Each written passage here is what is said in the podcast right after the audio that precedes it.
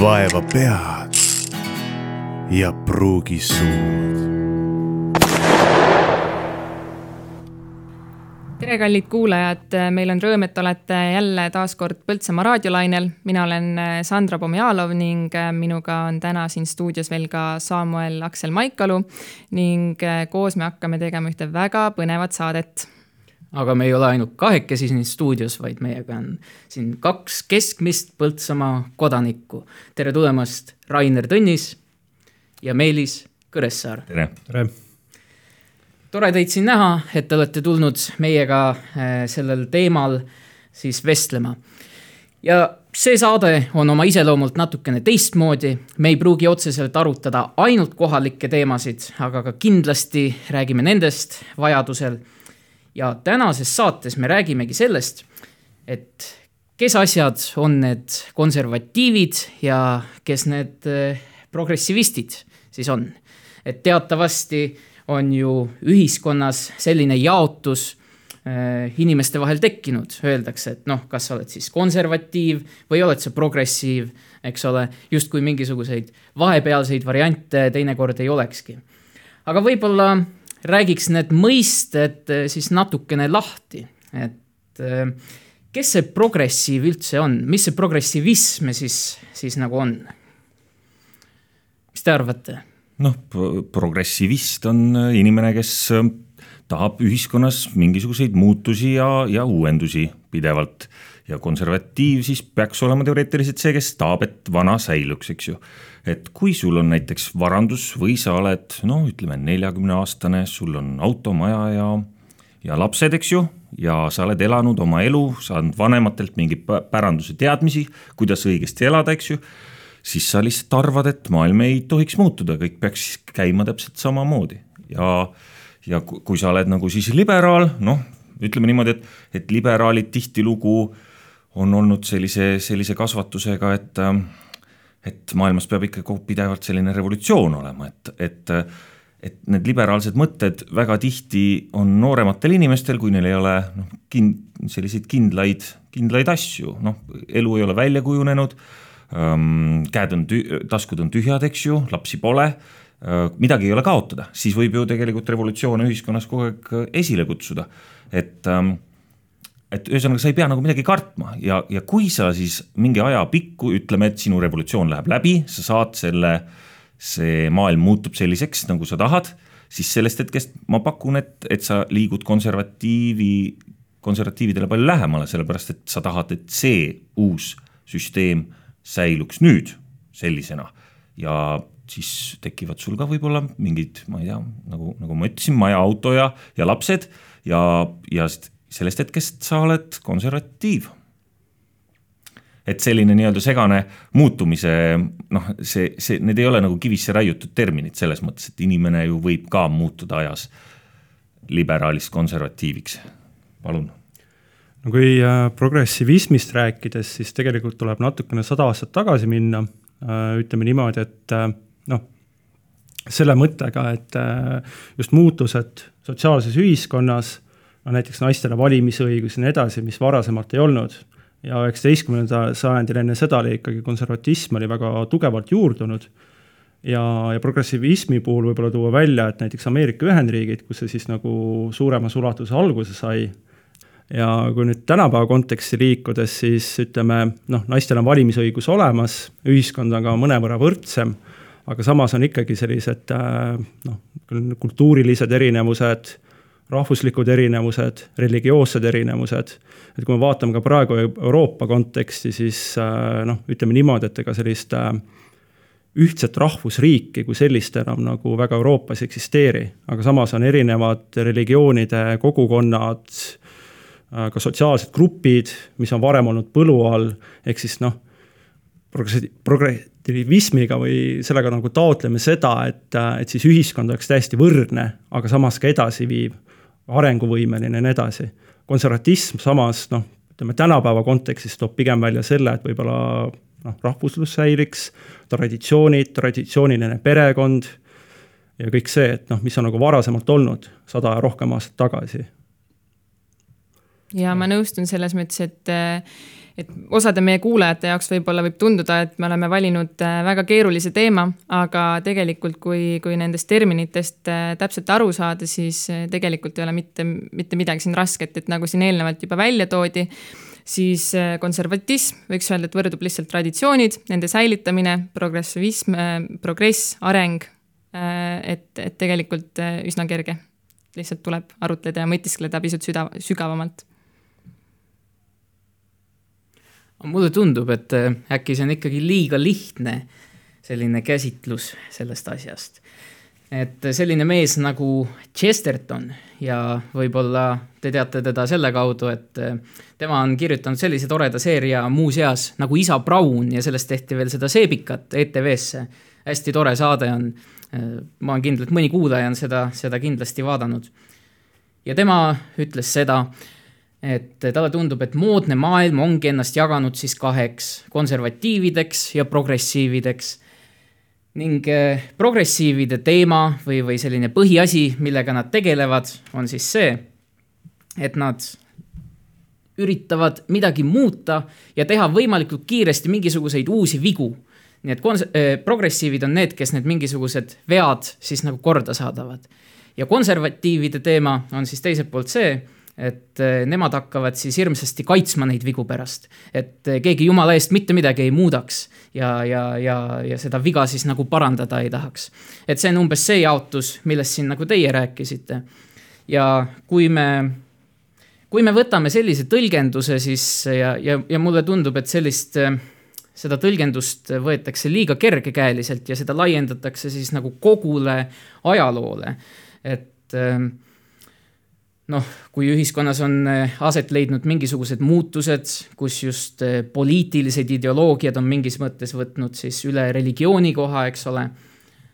eh, siis me võime liiga kergekäeliselt seda tõlgendust laiendada kogule ajaloole. et me vaatame kogus ajaloos tagasi ja ütleme, et justkui ongi mingisugused kaks inimtüüpi või kui Meelise jutust lähtuda, siis on isegi mingisuguste eluetappidega see nagu rohkem seotud või? et nagu noorena on loomulik olla progressiiv ja siis vanana on loomulik olla konservatiiv. noh, võtame ühe sellise lihtsa näite. Ameerika filme olete kõik näinud, selliseid kaheksakümnendate filme. seal on nagu väga, väga tihti on, käib üks selline süžeeliin läbi, et, et lapsevanemad olid hipid, noh, seitsmekümnendatel. mäletate küll, teate küll, millised hipid olid, no need olid ikka sellised noh, ikka liberaalsuse, täiesti viimane liberaal põhimõtteliselt, eks ju. ja siis, kui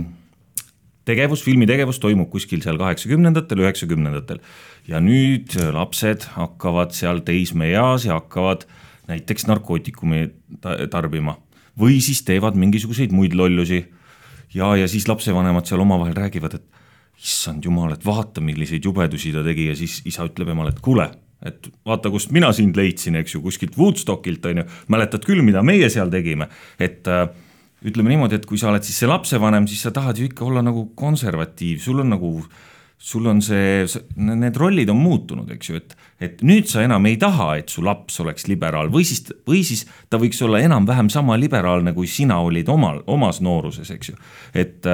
et kui, kui sul tekib vara, siis sa muutud konservatiivsemaks. kui sul on lapsed, muutud konservatiivsemaks tahad, et see maailm säiluks selliselt ja mingisuguseid uusi hullu, hullumeelseid äh, uuendusi lihtsalt ei tuleks ja ei tehtaks kas ma saan õigesti aru, et sinu arvates see on siis esmalt seotud mingisuguste rollide muutusega, mis on siis eeskätt äh, omakorda seotud mingisuguse varaga?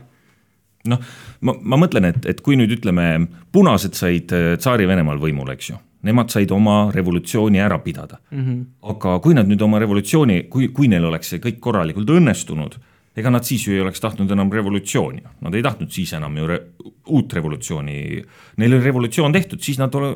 sellest hetkest said nad ju konservatiivideks. Nad, ega nad siis enam ei taha, et maailmas midagi muutuks, kui neil on nende, nende hea uus progress on ära toimunud, et kui sa oma mõttest aru saad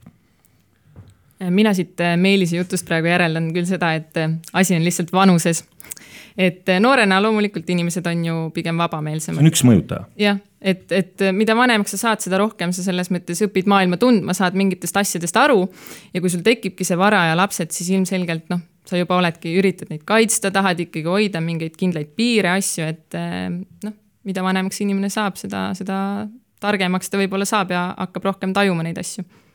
Nii et konservatiiv on siis targem kui progressiiv või? mitte otseselt ma lisaks juurde, et võib-olla siin küsimus on äh, turvalisuses, stabiilsuses, et äh, vanemana sa nagu hindadki seda rohkem, kui sa oled elus midagi juba saavutanud. noorena on see, et on äh, noh, need arenguperspektiivid on suuremad, sa tahad ju kõike saada, omada. no hea näide on näiteks see, et paljud on rääkinud, et noorena käisid hääletamas läbi Euroopa. ilmselt, kui sul oled juba seal nelikümmend pluss, on mitu last, siis vaevalt üksi hääletama lähed või isegi sõbraga, et pigem see on nonsenss täiesti aga samas noorena tundus see nii põnev, avastad uusi maid, uusi riike, ebamugavustega olid sa veel nõus, eks ju, nüüd, nüüd enam noh, kui ma vaatan oma sõpru, siis ega kui ikka hotelli ei saa ja valgeid linnu ei ole, siis mina välja ei tule. et noh, needsamad inimesed, kes kunagi olid ka sellised, tulid kõigega kaasa, lähme metsa, lähme paneme telgid püsti. ja ma katkestasin sind, vabandust. ei, sellest ei ole midagi et äh, noh, ma arvan, et ja samas noh, kui me vaatame nagu poliitilise suuna peale, et siis võib-olla ütleme seal äh, ka tänapäeval, et nagu konservatiivide toetajad võib-olla ongi, ütleme, kas keskealised ja vanemad, kes ihkavad siis stabiilsust ja nii edasi. ja kui me vaatame, ütleme neid lähiaja nagu revolutsioone, ega praegugi tegelikult äh, ütleme noh, selliseid rahvarahutusi, mis mujal maailmas toimuvad, siis kes on nagu vastavad, kes sellele noh, kes seal nagu osalevad ja ellu viivad, on ju valdavalt noored ja kui noored ebaõnnestuvad, siis sekkuvad alles vanemad inimesed. noh, viimasel näiteks praegu on hea näide võib-olla Kolumbias, kus toimuvad siis juba päris mitu kuud rahvarahutused. ja seal ongi noored tudengid. ja, ja siis sekkuvad seal alles nende vanemad, kui nad tunnevad, et nende lastele tehakse väga liiga. ehk siis nemad muudavad ka oma väljavaateid. Nad võivad olla alguses ettevaatlikud, konservatiivse hoiakuga, sest nad näevad, et noh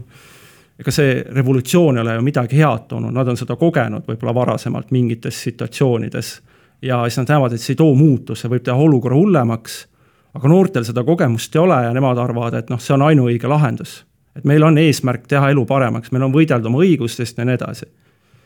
et noh, ma arvan, see on niisugune minu poolt näide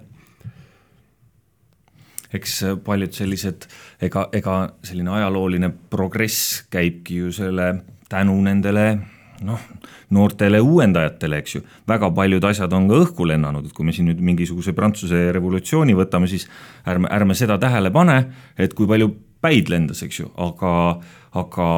sealt tuli ikka üht-teist head ka, eks ju, selline nii-öelda riigivalitsemise muutus või sa võid mind muidugi parandada, eks ju. et, et äh, ja, ja noh, ega ju naiste valimisõiguse pidi ju keegi tegelikult välja võitlema ja tegelikult võib-olla, võib-olla ma ei tea, keegi tulistas teda selle eest, et ta, et ta oli see, selle teema eestkõneleja, eks ju. et, ähm, et keegi võttis tegelikult riski ja tegelikult noh, ühiskond on saanud selle arvelt ju ikkagi paremaks. et, et noh paljud, paljud ka head progressid on ju mingisuguste nii-öelda hullude liberaalide töövili ju lõpuks ma tulekski korraks selle eh, Chestertoni juurde tagasi, et eh, selle tema tsitaadi juurde ja seda võib täitsa niimoodi tsitaadina käsitleda, sest seal pole väga suurt konteksti, millest välja rebida, see oligi nimelt ühe ajalehe veerul niimoodi lühikeselt ühe lõiguga kirjas. ja ta siin ütlebki seda, et äh, need revolutsiooni saavutused saavad paika, stabiliseeruvad ja siis traditsionalist või konservatiiv, siis tema hakkab seda kaitsma, väites, et see on osa sellest traditsioonist. ja nüüd ma tahaks juhtida tähelepanu, et, et Chestertoni nagu edasi uurides te,, tema seda, tema seda maailmavaadet, siis äh, tema jaoks ei olnud üldse selline väide, nagu mulle tundub, et väga paljudel inimestel tihti tänapäeval me, meil on, noh, kellega ma siis ise rääkinud olen, et meil on pärast siis hea olla, meil on tunne, et me saame maailmast aru, hõõrume oma kõhtu, paneme piibu ette ja kiigume kiiktoolis, eks ole. vaid tema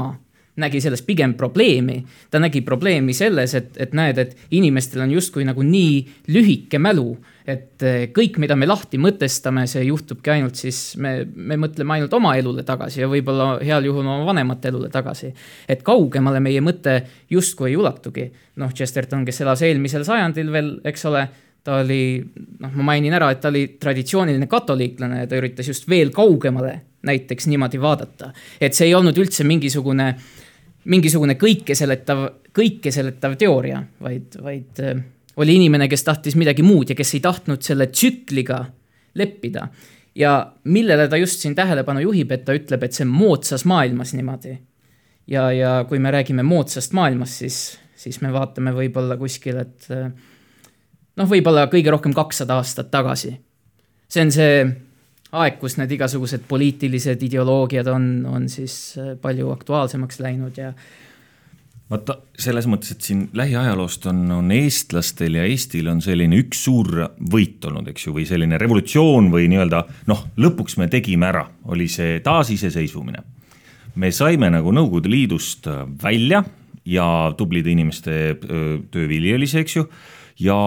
ja korraks tekkis selline nagu rahu, muidugi üheksakümnendatel oli selline kauboikapitalism ja paanika ka, aga, aga kõigil oli nagu hinges korraks sihuke rahu, et, et vahet ei ole, mis siin maailmas toimub, aga me saime oma võidu, me saime, me kõik oleme selle ühise võidu äh, kätte võidelnud ja, ja meil on, vähemalt on Eesti vaba, et olgu me nüüd vaesed ja rikkad ja, ja, ja kuidas siin kellel kujuneb, keegi saab põllulappi, keegi jääb vaeseks, aga meil on see Eesti, eks ju. ja sellesama rahu idee peal meil, meil ühiskonnas nagu konflikti ei olnud võib-olla viisteist, kakskümmend aastat. aga noh, saime rikkaks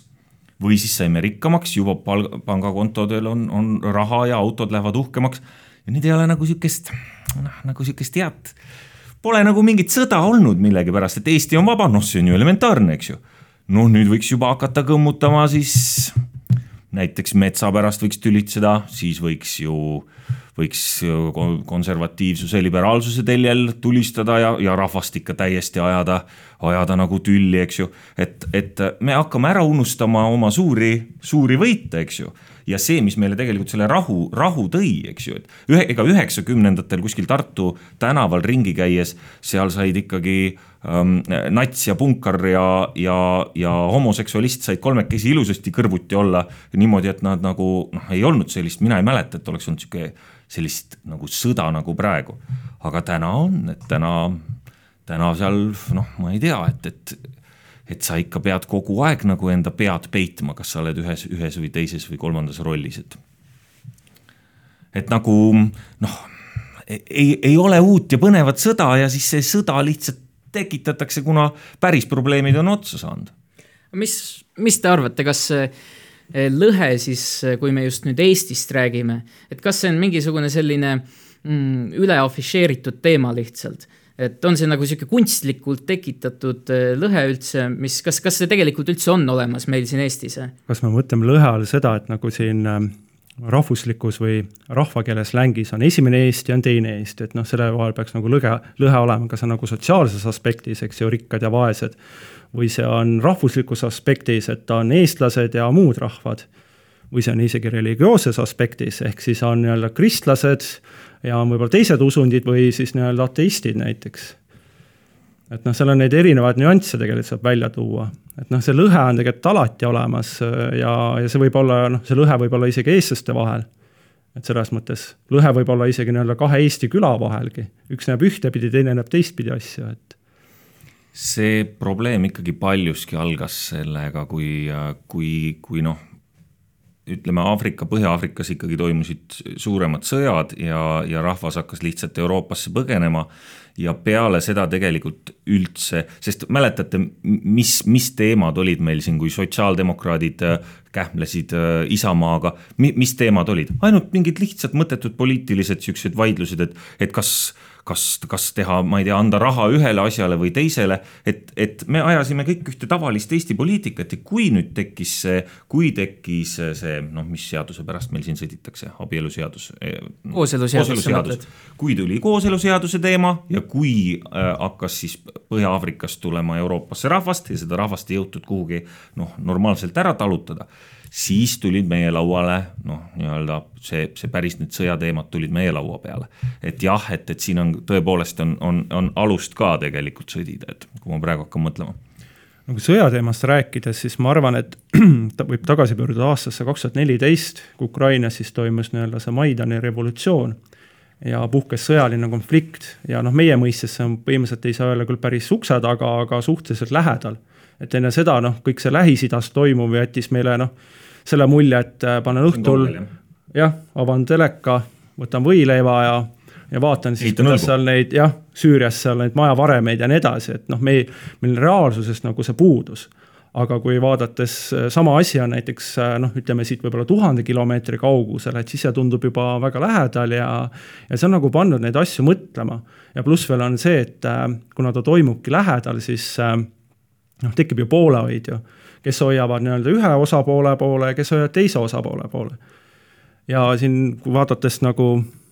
teema läks muidugi väga poliitiliseks ära, aga siin täna oli üks niisugune huvitav artikkel, et on Riigikogus on olemas Eesti-Valgevene sõprusrühm. ja, ja see sõprusrühma, noh, meil käis külas siin opositsiooniliider, Valgevene oma, ja see sõprusrühm ei kohtunud temaga ja nüüd tekib küsimus, et kelle poole siis see sõprusrühm hoiab. ja nüüd on vot jällegi hea, Valgevene ühiskond on mõnes mõttes ka selline hea näide, et seal on ju, võtame see diktaator Lukašenka et noh, eeldatavasti tema on siis konservatiiv, kes üritab kõike vana alles hoida, eks ju. mõnes mõttes Valgevene on nagu moodne Nõukogude Liit et seal on isegi mõned sellised riigiasutused on suht nagu sarnased sellega. ja siis on need noored, kes tulevad tänavale, siis võib öelda, et nemad on siis need liberaalid või progressiivid, kes tahavad riiki muuta, kes tahavad, et ütleme, võib-olla tuua riigi rohkem tänavale, tuua või noh, tänapäeva välja, äh, näidata rohkem demokraatiat ja, ja vaadata rohkem lääne poole ehk siis see valitsev võim vaatab ida poole ja siis need noored, kes mässavad selle vastu, vaatavad lääne poole. et sama tegelikult probleemi ees oli ka Ukraina. aga Ukrainas tol hetkel võitis, ütleme, see läänemeelsus. Ma siin äh, tulen nüüd vahepeal vahele, ma pikalt äh, mõtisklesin selle teema üle ja ma tegelikult nõustun äh, Raineriga, nagu sa ennist ütlesid, siis tegelikult see lõhe on kogu aeg olnud olemas oleneb lihtsalt teemast ja sellest, kui palju sellele on tähelepanu pööratud, aga mina jäin siin praegu mõtlema sellele, et mm, noh, aastaid tagasi, see oli ikka üsna kaua aega nüüd tagasi, ma olin üsna noor, on ju. Ma mäletan üsna hästi seda, kui algas kogu see pagulaste teema kui pagulasi hakati siis Euroopasse saatma, on ju, oli vaja siin, ma ei tea, Saksamaa, Eesti ja ma mäletan hästi seda, kuidas ma pidevalt meediast lugesin nagu seda vastumeelsust, et mis mõttes nad tulevad, et kuidas nad tulevad, nad ei ole ju meie nahavärvi, et kuidas see, kuidas see kõik nagu toimima hakkab. ja praegu mul lihtsalt tuli see meelde seoses meie teemaga, et see ikkagi seostub ju nii palju, et ja, ja mulle tundub, et nende aastatega inimesed on justkui sellega ära harjunud ja nüüd see nagu enam ei ole nii äh,, kuidas ma ütlen ähm,, nii kriitiline teema või selline teema, mis tekitaks nii-öelda nii suuri emotsioone nagu toona, on ju. et, ähm, et võiks, võiks öelda, et selles mõttes areng ühiskonnas nagu toimub selle, selles suunas, et, et inimesed võtavad asju veits vabamalt ja muutuvadki veits liberaalsemaks, on ju et see ei ole nüüd see sõja, sõjateema küll, aga, aga mul tuli see lihtsalt meelde selle, selle jutuga nojah, aga ega paljuski tegelikult see, et meile pagulasi siia Eestisse ei toodud see oligi ju tegelikult sellepärast, et konservatiivid hakkasid lihtsalt, ütleme nii, et mina ei teadnudki enne seda, et konservatiividel on mingi oma erakond. aga siis äkitselt hakkas nagu konservatiivne Eesti pool nii kõvasti karjuma ja see, need numbrid, kui palju meile siis pagulasi pidi tulema, need kahanesid, kahanesid, kuni siis lõpuks äh, neis seda numbrit polnudki. Kas võib ka öelda, et äh, inimesed, kes muidu võib-olla olid sinna progressiivsele poolele kaldunud, et nendesse, nende sisemine konservatiivne pool hakkas kisama? ei, vaat seda ma ei kujuta ette, ma ei kujuta. siin on nagu mitu aspekti, et äh, esiteks äh, noh, neid nii-öelda pagulasi, noh, pagulane on see isik, kes siis on saanud nii-öelda asüüli, enne seda ta on immigrant kui noh, täpsustada, aga nad tulid ise ja kui me vaatame nüüd noh, valdavalt, kust nad tulevad, on siis Lähis-Ida, mis on siis ütleme, islami religiooni pärusmaa ja, ja tegelikult võib öelda, nad on suht äärmuskonservatiivsed. seal ei ole nagu liberalismi kui sellist nagu, mis on nagu Euroopas. see on esiteks. teiseks on see, et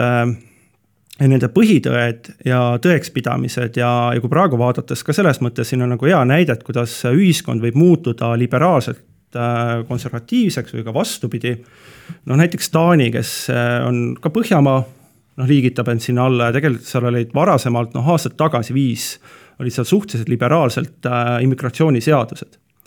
ja just hiljaaegu lugesin Taani kohta uudist, kus Taani saadab äh, põhimõtteliselt äh, asüülitaotlejad tagasi, vahet ei ole, kus Euroopa riigist nad tulevad või väljaspool Euroopat. ja Taani plaanib luua siis ka nii-öelda asüülikeskused väljaspool Euroopat. ehk siis, kui sa oled äh, nii-öelda poliitiline põgenik, tahad Taani minna, siis Taani saadab selleks ajaks, kui ta su taotlust menetleb, saadab su kuhugile väljaspool Euroopas nii-öelda tema rajatud asüülikeskusesse et noh, niimoodi jäi nagu mulje seda artiklit lugedes ja see seadus võeti ka Taani parlamendis vastu. nii et see on noh, näide sellest, kuidas siis Taanis on muutunud hästi nagu jäik konservatiivne hoiak nii-öelda kasvõi näiteks immigratsiooni suhtes, mis on paratamatult üks põhilisi probleeme. no ütleme noh, tänapäeva Euroopa ühiskonnas, millel ei ole ka konkreetselt head lahendust leitud ja ilmselt see ei leita ka seda lähiajal. Sest noh, seal on nii palju erinev, erimeelsusi ja seal võib-olla ongi see konservatism ehk millega seostatakse siis rahvuslus hirm rahvusriikide kadumise ees, mis on ka Eestis tegelikult olnud ja mis oli meil hiljaaegu või noh, ka praegu tegelikult ühe erakonna nii-öelda nagu noh, ma ei tea, põhideviis äkki. ja teiselt poolt on siis see liberalism, mida mõnes mõttes viljeleb ka Euroopa Liit, mis näeb ette seda, et on siis ühine rahvus, eurooplased, et kus ei ole eraldi väga selliseid äh, tugevaid rahvusriike. aga räägikski korraks nüüd sellest, mis sa, Rainer, just välja tõid. et äh, kas konservatism tähendab siis automaatselt, tähendab ka rahvuslust või kuidas sellega on? ma tahan siin nüüd vahele segada, et, et konservatiivse, mind nagu mu nii-öelda konservatiivsed tuttavad natukene mind häirib, et nad tahavad olla kõikidel skaaladel konservatiivsed või siis liberaalid, kes on mu tuttavad, tahavad olla kõikidel skaaladel liberaalid. kui on seksuaalsus, siis on kindlalt noh, ütleme konservatiiv on konservatiiv, tema ei salli mingisuguseid homoseksuaale, eks ju. nii, kui on nüüd sisserände teema, siis selgelt ta on seal konservatiiv nii, siis talle meeldib ja, ja mulle tundub, et, et see on nagu sihuke moevärk ka, et, et ma tahan nagu kõikides valdkondades neid konservatiivse ja liberaalse tel-, telje, telgi on väga palju erinevaid, kus sa saad olla, sa saad näiteks majanduspoliitikas olla liberaal või konservatiiv. sa saad olla noh, neid, neid, neid valdkondi on veel, aga, aga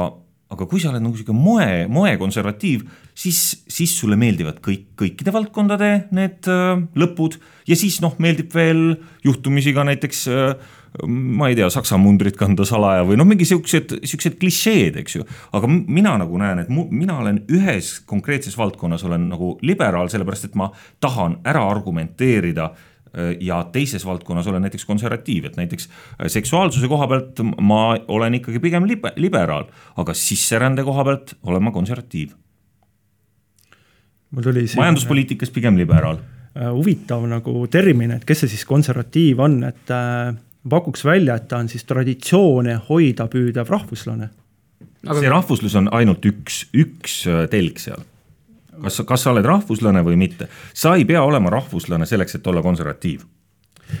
jah, mõnes mõttes ma olen nõus sinuga, noh, samas on see, et äh, mis need tänapäeva aspektid on, et tegelikult äh, võib-olla see, et äh, noh, paratamatult ühiskond on saanud võrdsemaks, me ei pea enam võitlema näiteks võib-olla noh, mõnes mõttes me võitleme naiste õiguste eest ka, noh no, näiteks palgalõhe ja nii edasi. aga samas on see, et on need, need muud nagu sellised, on seesama seksuaalsus, mis sa välja tõid et, äh, et jah, teda ei saa otseselt siduda rahvuslusega, aga, aga noh, ütleme jah, ta on selles mõttes ka selge erinevus, et kes siis on konservatiiv, kes siis austab nii-öelda traditsioonilisi pereväärtusi, kus siis nagu noh, nähakse, et ongi võib-olla mehe-naise kooselu, mitte et on mees-mees või naine-naine, mis on siis nagu jälle tema jaoks on täiesti ultraliberaalne ja ta ei saa sellega nõustuda, sest see vana, varem ei ole sellist asja niimoodi olnud. ja see on kuidagi nagu tundub noh, tema jaoks ebaloogiline. ja see on liberaal, kes ütleb, et noh, kõik peavad saama nii-öelda hästi elada,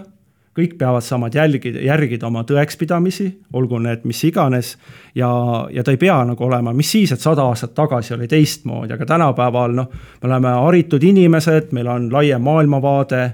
või noh, või silmapiir ja, ja see on, see on normaalne, et see nii on. et noh, siin on nagu niisugune jäik seisukoht ja minu meelest see, just see nii-öelda seksuaalsuse poole pealt on minu arust viimase aja teema olnud see, et äh, mis just tänu selle kooseluseaduse muudatustele tõusis nagu esile. ennem sellest nagu väga ei räägitud, inimesed ütlesid, et noh, mis seal ikka, et tegelikult Eesti on ka selles mõttes nagu liberaalne, et ega noh, meil on ju varasemalt olnud ka nii-öelda need LGB, LGBT kogukonnad, kes siis äh, toimetavad siin, aga nad ei pea tundma ennast nagu ebaturvalisena et neil on nagu täiesti vabalt saavad, aga mingis punktis Äh, tuli see terav vastuolu ja minu meelest üks oligi see, kas perekonnaseaduse või kooseluseaduse muudatus, et mis siis seda pani nagu inimesi nagu mõtlema, et, et tõesti, et kas nemad võivad ka abielluda ja, ja kas tõesti siis äh, need homoseksuaalid saavad endale nii-öelda noh, lapsi lapsendada, et see on kuidagi nagu väga vastuolus ja siis see panigi nii-öelda nagu selle tugeva nagu vastuolu selles aspektis seal et äh, kui, kui nüüd raadiosaateid teisi kuulata, et kuidas siis, siis see vaidlus seal käib, et et ähm, nii, ütleme, et liberaal ütleb või progressiiv ütleb, et see seadus tähendab, et äh, meie oleme niisugused allasurutud äh, ja me ei ole teiega võrdsed inimesed. lihtsalt sellepärast, et me oleme seksuaalselt erinevad. ja nüüd konservatiiv ütleb vastu. ei, see seadus on lihtsalt see, et me tahame, et tavaperekond oleks natukene kõrgemal kui äh, kui noh, ütleme samasooliste äh, perekond, et ta oleks lihtsalt, kuna meil on riiklikult vaja, et, et noh, see on, see ikkagi viib meie ühiskonda edasi, kui meil lapsi sünnib ja, ja et, et see peaks olema ikkagi üks pügala võrra kõrgem ja teine pool ütleb vastu, et ei, aga meie ju, me, me, meid tegelikult tahate te hoopis alla suruda. et see ongi selline, selline nagu diskussioon, kus, kus noh mm, ma ei tea, ma, ma nagu, ma, ma ei jõua, ma ei oska seal enam kuskil nagu kuhugi, kuhugi nagu edasi minna oma mõttega, et ähm, et ühest küljest ma arvan, et, et klassikaline perekond on riigi, riigi säilumise mõttes väärtuslikum. samas jälle ma ei taha, et kedagi alavääristatakse, eks ju, no siis olengi, olengi vait, ei ütlegi selle teema kohta midagi samas mulle tundub, et see, et see seksuaalsuse teema, see mingi hetk tõusis äh, esile puhtalt juba sellepärast, et igal pool mujal maailmas hakati ka sellest üha rohkem ja rohkem rääkima. Ja lõpuks ju tegelikult need äh, Eesti, Eesti need kogukonnad või kes siin on, need ju tegelikult tundsid ka, et nüüd on nende võimalus selles mõttes rääkida enda arvamust avaldada. ja, ja lõpuks siin ju läkski äh, päris äh, tõsiseks see teema juba sellega, et siin ju koguti allkirju ja küsiti rahva arvamust ja, ja kõike seda ja tegelikult ähm, kogu see seksuaalsuse teema on ju aja, läbi ajaloo selles mõttes muutunud ja, ja, ja muutunud pigem just selles mõttes vabamaks. et kui kunagi oli see, et abielu on ja peab olema mehe ja naise vaheline liit, siis nüüd on ju tegelikult üha rohkem neid inimesi, kes arvavad, et tegelikult see ei peaks päris nii olema, et see võib olla ka muud moodi, et, et mees ja mees võivad näiteks abielluda või et,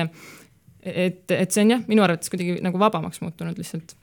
nojah, aga kui nüüd äh, Eestist rääkida, et äh, tuleb meelde üks väike mõte Tõnis Saartsilt, kes võib ka kuskilt kaudu äkki Sandra õppejõud olla või? veel ei ole. veel ei ole, aga äkki tulevikus on. no vot, tema tegi sellise tähelepaneku just Eesti kohta, et ta ütles, et enne seda kooseluseaduse teemat äh, oli siin see lõhe kippuski tihtipeale olema rohkem selline rahvustevaheline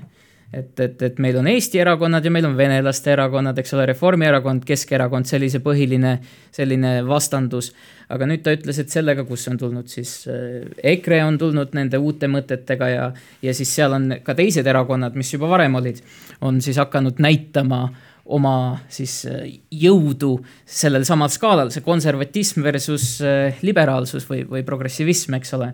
ja ta ütles, et see justkui see fookus on Eesti ühiskonnas hoopis teise kohta läinud. et äh, nüüd me ju näeme selle tõestuseks, et kõik äh, teevad suuri silmi, näevad, kuidas äh, Narvas näiteks tehakse EKRE osakond ja, ja, ja noh, ma, see ei ole ju saladus, et venekeelsed inimesed meil siin Eestis on tõenäoliselt palju konservatiivsemad kui, kui eestikeelsed keskmiselt ja, ja et inimesed, kes justkui olid enne, ma ei tea, mingisugused marurahvuslased või natsionalistid, siis ühel hetkel hoopis hakkavad kõnetama eh, meie seda venekeelset kodanikkonda. et eh, ja kui me nüüd, eh, ma esitasingi siin nüüd vahepeal küsimuse, mida te nii, nii kergekäeliselt ignoreerisite. et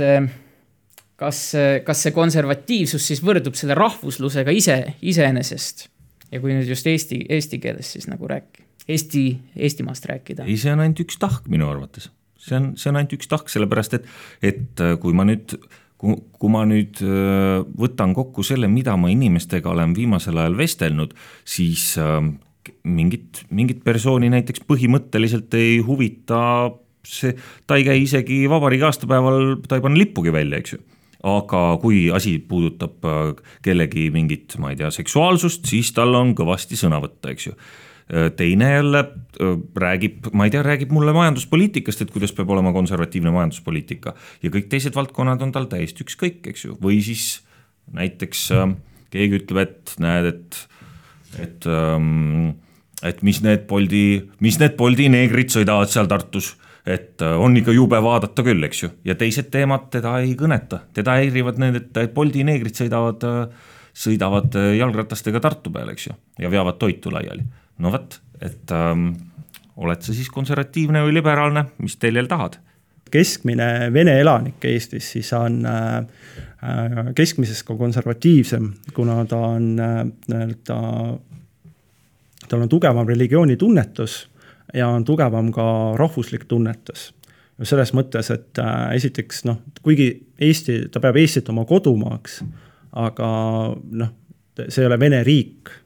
eks selles mõttes ja, ja võib-olla sealt ta võtabki see konservatiivset joont, sest noh, ütleme niimoodi, et ta on muidugi ka Vene meedia mõjuruumis ja, ja sealt ta vaatabki, sest no ütleme, noh, kui vaadata Vene riiki ja Vene riigi neid ametlikke hoiakuid, siis need on väga tugevalt konservatiivsed. Ehk siis, kui meie siin veel aktsepteerime neid nii-öelda teisi nii-öelda seksuaalseid vaateid, siis äh, noh, Venemaal noh, sa väga ei saa minna tänavale ja hõigata, et sa oled äh, homoseksuaal või LGBT kogukonna liige, et see on sinu noh, see on sulle ebaturvaline. Eestis see ilmselt ei oleks väga küsimus, ilmselt ka siin Põltsamaa linnas mitte. et võib-olla sulle võidakse viltu vaadata või midagi öelda, aga sa ei tunne ennast ohustatuna noh, jah, ei ma selles mõttes nõustun, aga mina jäin praegu mõtlema sellele, et äh, tegelikult ju, kui rääkida siin äh, eestlastest ja venelastest, siis äh, minu arvates üha rohkem on ju, on ju tegelikult neid perekondi, kus ongi üks vanem on näiteks ühest rahvusest, teine on nagu teisest, on ju. ja tekib see nagu, kuidas ma ütlen, segaperekond, on ju. ja, ja võtame näiteks need lapsed lapsed, kes räägivad jumala puhtalt vene keelt, eesti keelt, et ma ei tea, minu tutvusringkonnas äh, selles mõttes gümnaasiumi ajal mul oli selles mõttes äh, osad kokkupuuted, noh, selles mõttes, et äh, nende noortega, kes olid siis sellisest perekonnast, on ju. Aga samas ma jäin mõtlema, et ma ei ole nagu täpselt nüüd kindel, kuidas need noored ennast nagu määratlevad või kuidas, kuidas, milline on nagu nende vaade sellele asjale. ma ei tea, võib-olla teil on selles mõttes mingeid kokkupuuteid rohkem sellega seoses, et kas nad, ma ei tea, kuidas nad ennast määratlevad näiteks no no et eh, nüüd me rääkisime, mis need erinevad faktorid on siin sellest, kas keegi on progressiiv või konservatiiv, et ta on siis positsioon, eks ole, palju tal vara on, vanusest rääkisime, nüüd rääkisime rahvusest, religioonist rääkisime natukene, aga et eh, mis me siis nagu nendega teeme ikkagi, kes, me kõik ju teame kindlasti inimesi, kes on noored ja väga konservatiivsed, et võib-olla see, kuna see mainstream või peavool on juba noh, et Euroopa Liit on ikkagi võrdlemisi progressiivne, eks ole, ja, ja siis see on siis noh, ma ei taha öelda päris sihuke keskvalitsus, aga, aga vähemalt selline juhtiv äh, organisatsiooni mingisugune kooslus, mis, mis annab meile juhiseid ja suuniseid ja, ja, ja et siis võib-olla mõni tahab hoopis sellele vastanduda, sellele, sellele konservatismiga, et konservatism on äh, uus, uus selline punk või niimoodi, nagu on mõned seda välja toonud. ja, ja jälle teine kontingent on ju selliseid inimesi, kes on vaatad muldvanad, aga räägivad äh, nii liberaalset juttu, et, et, et, et sa vaatad, et see inimene on palju nii-öelda uuendusmeelsem kui sina, et kas need on siis äh, mingisugused üksikud valgustatud indiviidid, kes on mingisuguse erilise virgumise staatusesse jõudnud või või, või, või kuidas see sellega on, et äh, mulle lihtsalt tundub, et meil justkui tekkis mingisugune teooria siin juba selle kohta, et kes see konservatiiv siis on ja kes see progressiiv on. aga siis, äh, kuna on selliseid inimesi, siis kes kuuluvad väga erinevatesse gruppidesse ja kui me hakkame nende gruppide sees veel jaotama kuidagi, et Meelis, sul oli siin, väljendasid nördimust ja pahameelt selle üle, et inimesed siis äh,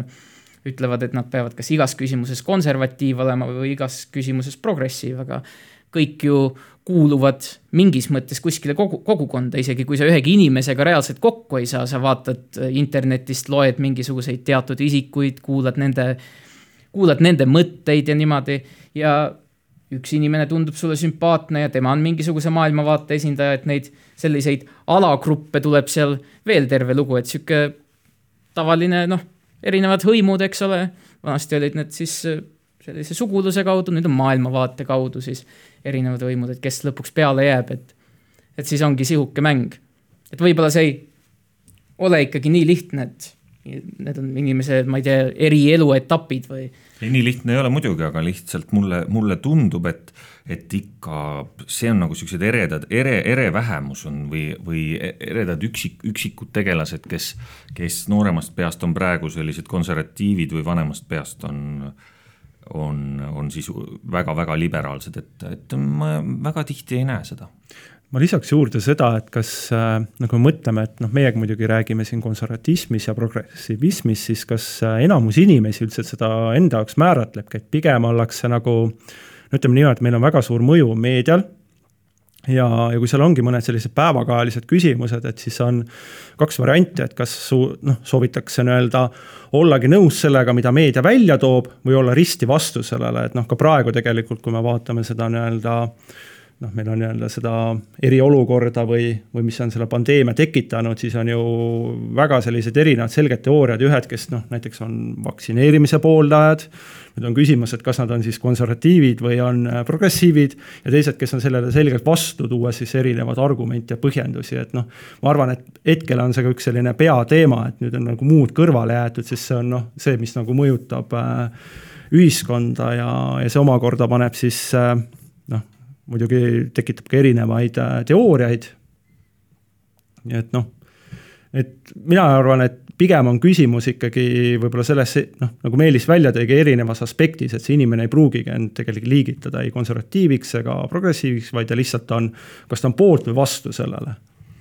ja ma arvan, siin selles mõttes mängib äh, rolli ka see äh, pere, perekondlik värk, et kui on näiteks mõni noor, on ju, kes on hullult konservatiivne või noh, hullult konservatiivlik, konservatistlik, ühesõnaga. konserv, noh. jah, ühesõnaga äh, saite aru küll, et, et võib-olla see tuleneb ka pisut nagu sellest, et näiteks ta vanemad või vanavanemad on nagu selliste vaadetega või ta on kuidagi need nagu neilt üle võtnud ja sellepärast ta teeb neid asju. aga siin äh, Raineri jutule nüüd äh,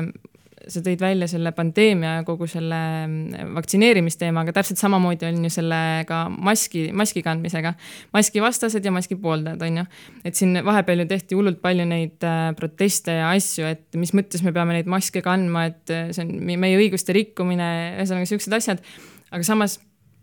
jällegi, kas, kas neid saab äh, käsitleda nagu konservatiividena? et, ähm, et see on sihuke noh, kahe otsaga asi nagu ja, ja, ja meedia poolt täpselt samamoodi. väga paljud inimesed ju kujundavad oma arvamuse selle põhjal, mida nad meediast loevad nagu isegi nagu siis, et nad tegelikult ju ei süvene võib-olla asjasse, aga nad vaatavad, et näed, kuskil on kirjutatud nii, et ma nüüd, et umbes mulle nagu meeldib see ja siis ma nagu jätangi nagu selle endale selleks vaatepunktiks. aga ega tavainimene, kes käib, kes käib, ma ei tea, kaheksast viieni tööl, ega, ega tema ei jõua mingisuguseid ajaleheartikleid kõiki läbi töötada ja kõiki raamatuid, et, et ega jumal tänatud, et meie tavainimesed ei ole, kes kaheksast viieni tööl käivad. ei noh, selles mõttes, et ega siia stuudiosse tavainimesed ei tule jaa, aga, aga noh, kui sa oled mingis selle, selle teema nii-öelda noh, kui, kui sa ikka päded selles teemas, siis sa tegelikult töötadki tõenäoliselt kaheksa tundi, et aru saada, mis asi on, mis, mis asi on see, ütle nüüd uuesti, mis seadus see oli, kooseluseadus. jah, või, või siis, või mis on liberalism või konservatism, et, et ega tava, tavainimene loeb õhtul selle ühe artikli või vaatab, vaatab, vaatab uudiseid ja kujundab oma, noh, reporter ütleb ju, et, et mis, mis mis parajasti popp on, eks ju, ja siis te, ega tema ju selle järgi enda maailma kujundabki. ja, ja, ja nii lihtne see ongi, ega, ega needsamad inimesed lähevad ju ka valima ja, ja valivad, valivad inimesi ju üsna lihtsate lausete põhjal väga tihti. nojah, aga kas mitte sellist ei olegi niimoodi, kõik teevad lõpuks otsused mingisugusel ja, emotsionaalsel baas, baasil. ükskõik, kas ta loeb sul kaheksa tundi raamatuid ja ajalehti päevas või, või mitte. selles mõttes, et noh, ma olen siin tavaliselt küsinud, või mitte tavaliselt, vaid mõnikord küsinud inimeste käest näiteks, kui on seesama seksuaalsuse teema olnud ja, ja teemaks on, et kas tohivad, kes tohivad abielluda üksteisega. et tohivad üks mees ja üks naine üksteisega abielluda ja, ja siis okei okay,, sellega oleme nõus. nüüd, kui me viskame mõtte välja, et kas üks mees teise mehega toob, tohib abielluda, siis lähevad juba arvamused nagu kaheks, on ju, noh näiteks noorte seas võib-olla ollakse siis rohkem juba okei okay,, see on täiesti okei okay,, aga kui nende samade noorte käest küsida, kas tohivad abielluda üks mees, teine mees ja kolmas mees üksteisega. Need on ju ka täiskasvanud inimesed, kes äh, on selle otsuse ise langetanud ja niiviisi, eks ole. aga seal tuleb justkui mingisugune enamus inimestel, kes on isegi väga progressiivseks ennast peavad, tuleb mingisugune plokk ette. oo ei, see ei ole nagu, ma ei tea, kuidagi loomulik või, või noh, kõik inimesed langetavad lõpuks otsused ju mingisuguse siukse, kas on jakk või ei ole jakk, eks ole. kas on vastik või ei ole vastik ma arvan, et see ühest küljest seostub ka inimeste nii-öelda haridustasemega, et kes on noh, ma oletan või minu väide on nagu see, et, et kes on nagu kõrgemalt haritud, et need on nagu võib-olla liberaalsemad selles osas seksuaalses mõttes. ja kellel on äh, võib-olla mara-, madalam haridustase, ehk siis võib noh, võib oletada, et nende silmaring on kitsam natuke, on siis äh, jäigalt konservatiivsed selles osas. et nende jaoks võib-olla ongi see mõeldamatu, et kaks meest võivad olla abielus ja haritum inimene vaatab, et noh, olgu, et võib-olla see mind ei puudutagi otseselt ja ei ole hullu ja seal tegelikult tekivad omakorda need äh, nüansid, et äh, okei okay,, need mehed võivad abielluda, aga nüüd tekib see küsimus, kas nad võivad endale siis ka lapsi lapsendada ja siis juba hakkab, võib minna veel omakorda need arvamused lahku. et noh, seal on neid aspekte nagu palju tegelikult. vot ei tea, nüüd ma tahaks korra vastu vaielda, et mida, mida populaarsemaks või nii-öelda ähm, noh, mainstream, see Eesti, Eesti Eesti sõna mainstream'ile. peavool. Jah, et, et mida peavoolumaks muutuvad need liberaalsed vaated, seda rohkem ma tajun, et haritud inimesed minu kõrval hakkavad muutuma konservatiivsemaks.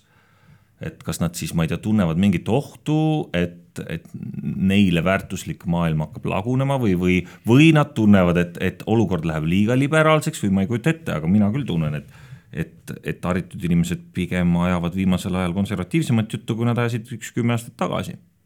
aga samas, kust läheb siin see piir selle konservatiivsuse ja, ja liberaalsuse vahel, et näiteks kui me võtame selle seksuaalsuse teemagi, on ju. on, oletame, et on täiesti tavaline perekond, ema, isa, poeg, tütar, mis iganes ja tuleb välja, et või noh, poeg selles mõttes ühel päeval tuleb koju ja teatab, et, et talle meeldivad selles mõttes temaga samast soost olevad isikud, et, et, et tema nagu näeb enda elu nendega ette. et tahaks kunagi abielluda ja selles mõttes, on ju ja, ja seal on selles mõttes mitut sorti neid perekondi, ühed on need, kes on selles mõttes, et nad saavad aru, et see on poeg, nad on valmis talle selles mõttes noh, nad saavad aru, on ju, et tema enda poeg, et nad ei saa midagi teha, et nende, nende jaoks on esikohal see, et poeg oleks õnnelik. aga samas teisest küljest on väga, väga selles mõttes konservatiivseid vanemaid, kes, kes on valmis enda lapsest sellepärast lahti ütlema, et see läheb nii hullult vastuollu nende vaadetega. Nad ei saa sellega mitte kuidagi nõustuda, mis siis, et tegemist on näiteks nende enda pojaga, on ju et, et kust läheb nagu see piir, samas siin noh, mingil, mingil määral nagu tuleb mängu ka see inimlikkus, et, et ühest küljest sa nagu saad ju sellest aru, aga teisest küljest ongi neid inimesi, kes reaalselt on, on valmis nagu selle suhtluse oma lapsega lõpetama sellepärast, et, et, et, et talle selles mõttes meeldib keegi, kes on temaga samast soost. no vaat, psühholoogid on öelnud, et see, et see nii-öelda homoseksualism ei hakka nagu, ei, ei, ei hakka selles mõttes nagu noh, ühesõnaga neid inimesi ei tule juurde, sellepärast et, et klassikalisel tavalisel inimesel on selle äh, protsessi peale mõtlemine nii vastik, et ta ei taha selle peale mõelda ja siis ta blokib enda ajus need lihtsalt ära. ja kui tal tuleb ükskord poeg koju ja annab siukse teate, et siis lihtsalt, lihtsalt noh, ta, ta, tema jaoks on see nagu ta ei taha, ta, see, see mõte lihtsalt on talle nii vastumeelne, et, et, et ta noh, ma, ma, ma ei kujuta ette, kas, kas me kahekümne aasta pärast, kui meil selline nii-öelda pehmem vool jätkub, kas, kas meil nüüd üks, üks keskmine, keskmine pereisa võtab seda uudist nagu vabamalt või mitte, ma ei kujuta ette. aga, aga praegu tundub, et, et kunagi ei hakata neid uudiseid väga vabalt võtma. et aga, aga mine sa tea, vaatame, mis meile ühiskond toob, et kui nüüd võtta sinu konkreetne perenäide, siis äh, pigem on seal äh, põhimureks on see, et äh, ütleks hirm, hirm nagu tundmatuse eest, et võib-olla see vanemad ei suuda nagu mõista, et mida see kaasa toob. pigem kardetakse rohkem isegi teiste halvakspanu, mitte see, et mitte tahta, et oma laps oleks õnnelik et just see hirmu pärast ja teiste halvakspanu, et me ikkagi sõltume väga olulisel määral ikkagi teiste arvamusest, arvamustest ja hoiakutest, et kuidas naaber mind vaatab, et ma jumala eest ei jääks tema ees nagu häbisse või, või midagi sellist, et see paratamatult on meie ühiskonna üks oluline osa, et. aga, aga kui kui sa elad sellises ühiskonnas, kus tegelikult see ei ole enam teema, siis sa ei pea ka ju häbisse jääma. kui sul ei ole midagi karta, kui see, kui need hirmud ongi tasalülitatud, eks ju, siis sa ei pea naabrimehe ees nagu silmi maha lööma, et su poeg on äh, homoseksuaal, eks ju. et, äh, et noh, ma, ma saan nagu liberaalide nii-öelda sellest lõpptulemusest aru, see on tegelikult õilis,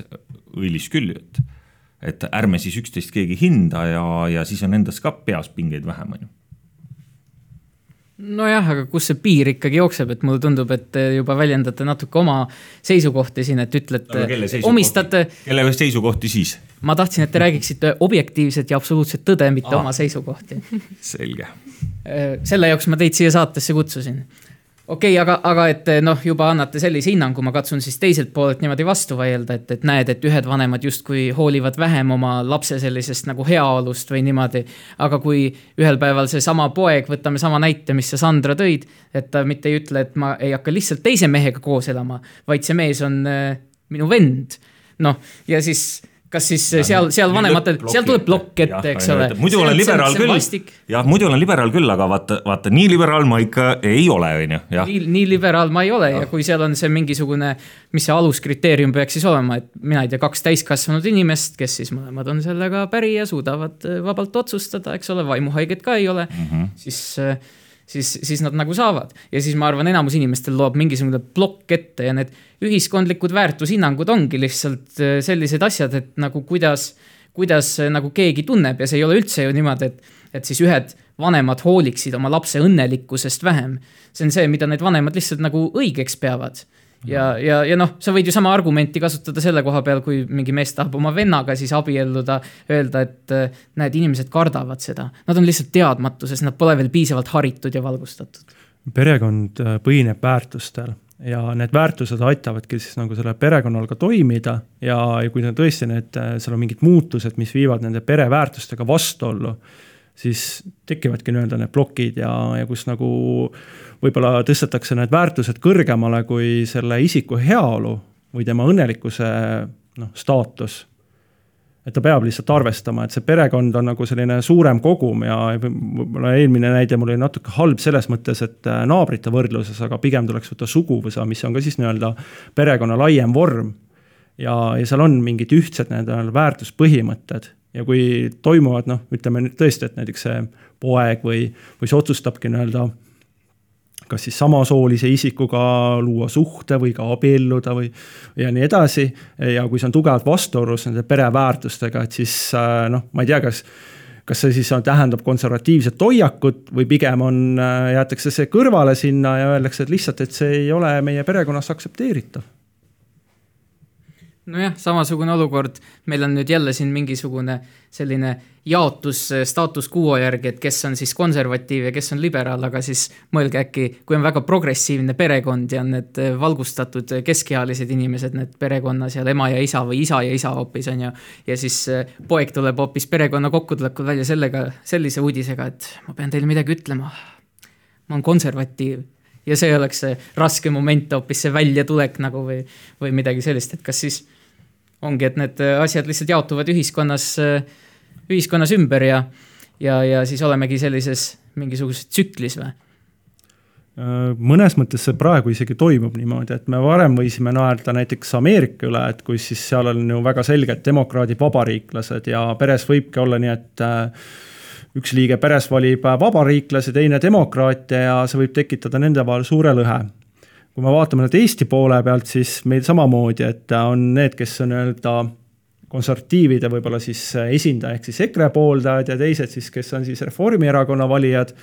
ja, ja see tekitabki suuri selliseid omavahelisi pingeid ja arutelusid, kuigi noh, see on võib-olla seostu näiteks eelnimetatud pereväärtustega, et selles mõttes, aga, aga see on selline nagu tõsine arutelu koht ja, ja ma arvan, et äh, kindlasti kuskil kas suguvõsa kokkutulekutel või kui see poliitika teema tõuseb üles seal, et siis äh, tekivad väga sellised tule, tugevad nii-öelda noh, vaidlused või, või isegi tülid mu ema kirjutas siin mõni aasta tagasi artikli selle kohta, et eh, kuidas enne jõule, et kuidas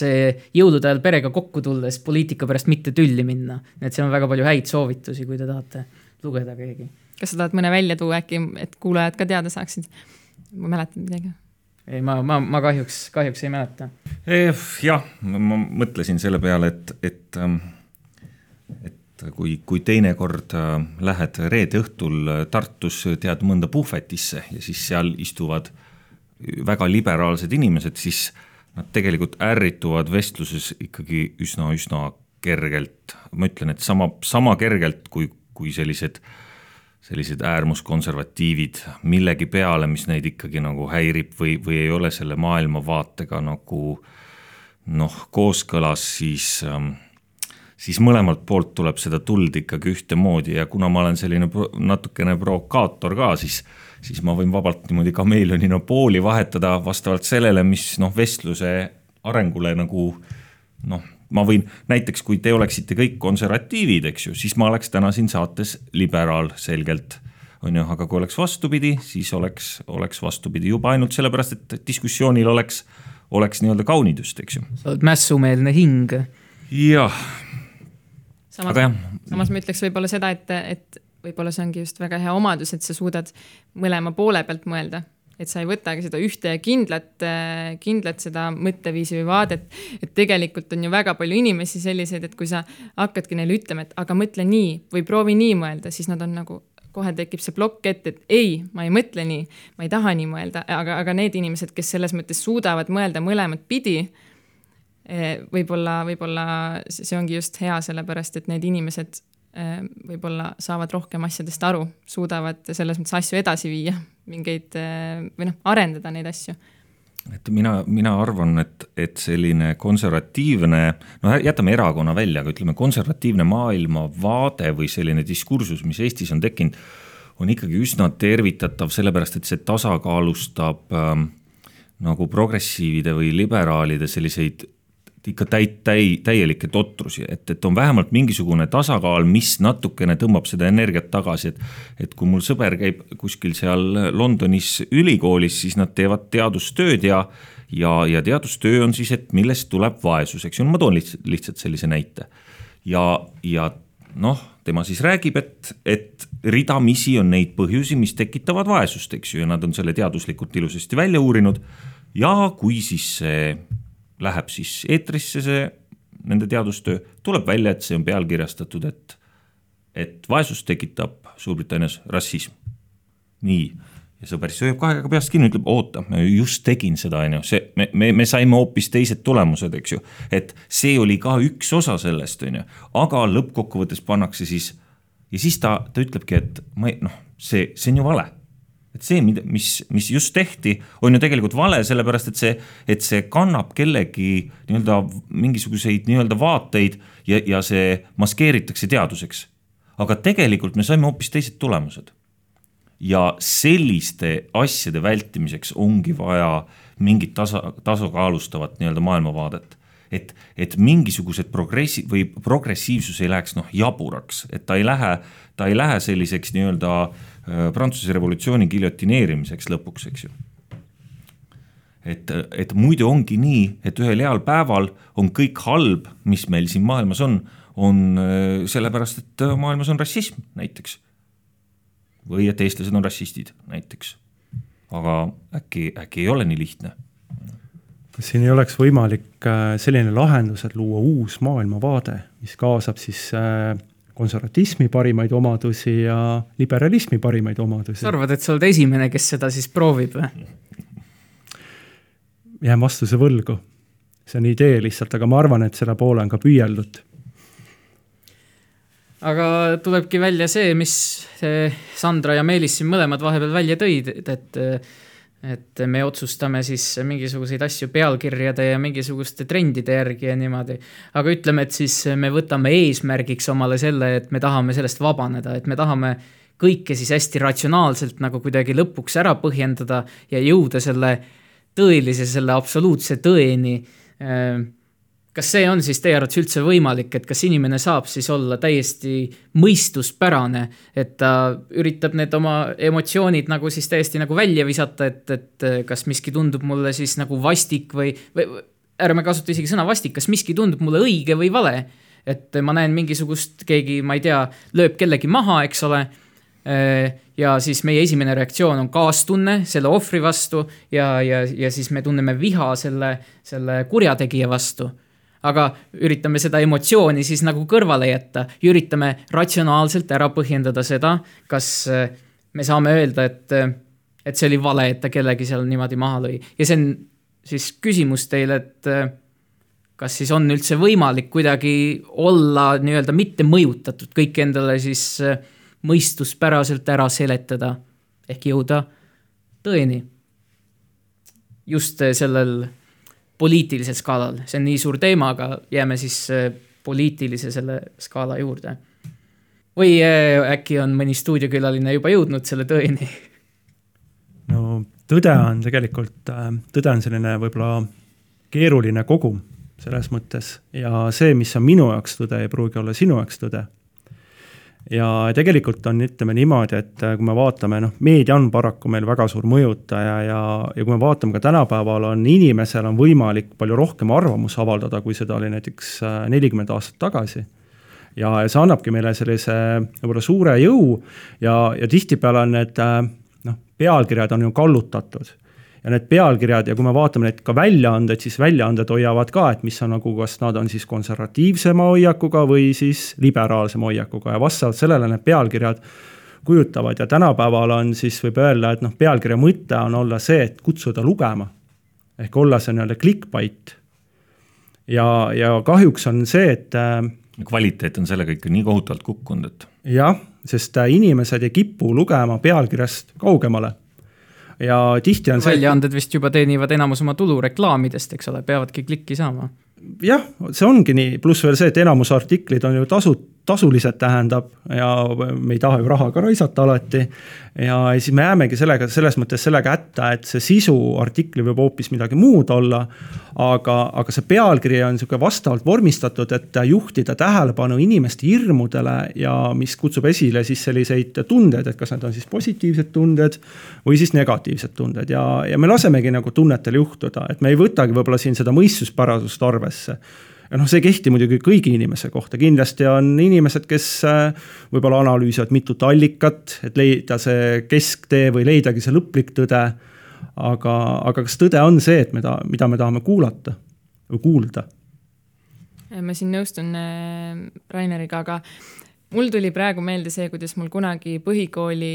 ühiskonnaõpetuse õpetaja ütles äh, sellise asja, et see, mida sa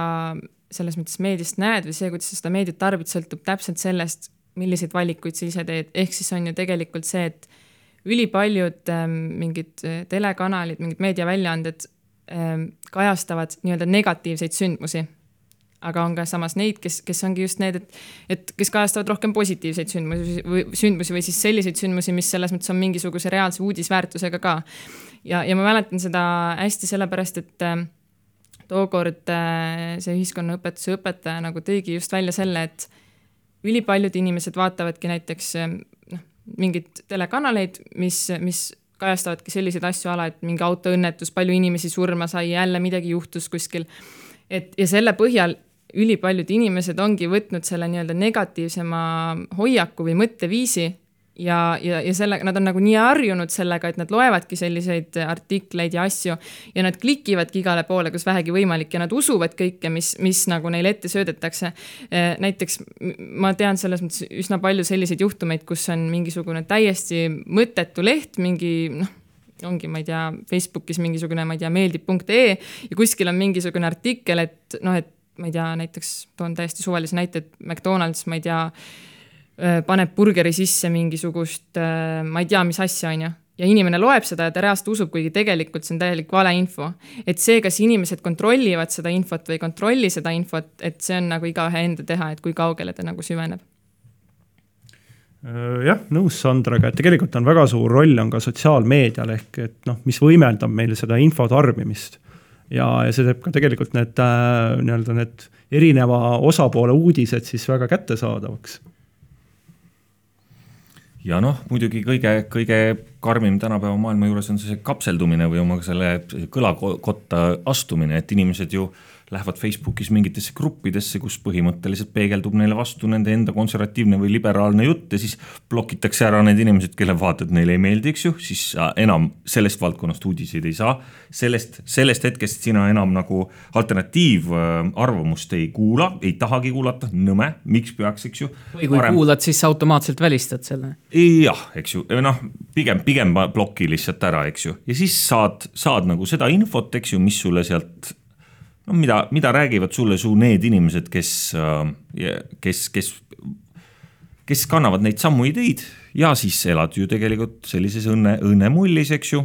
ja, ja milline šokk see siis on, kui sa ükskord lähed kuhugi õue ja näed, et mingi täiesti selge suur grupeering kannab hoopis teisi vaateid ja, ja näitab seda avalikult välja, eks ju. ja ongi,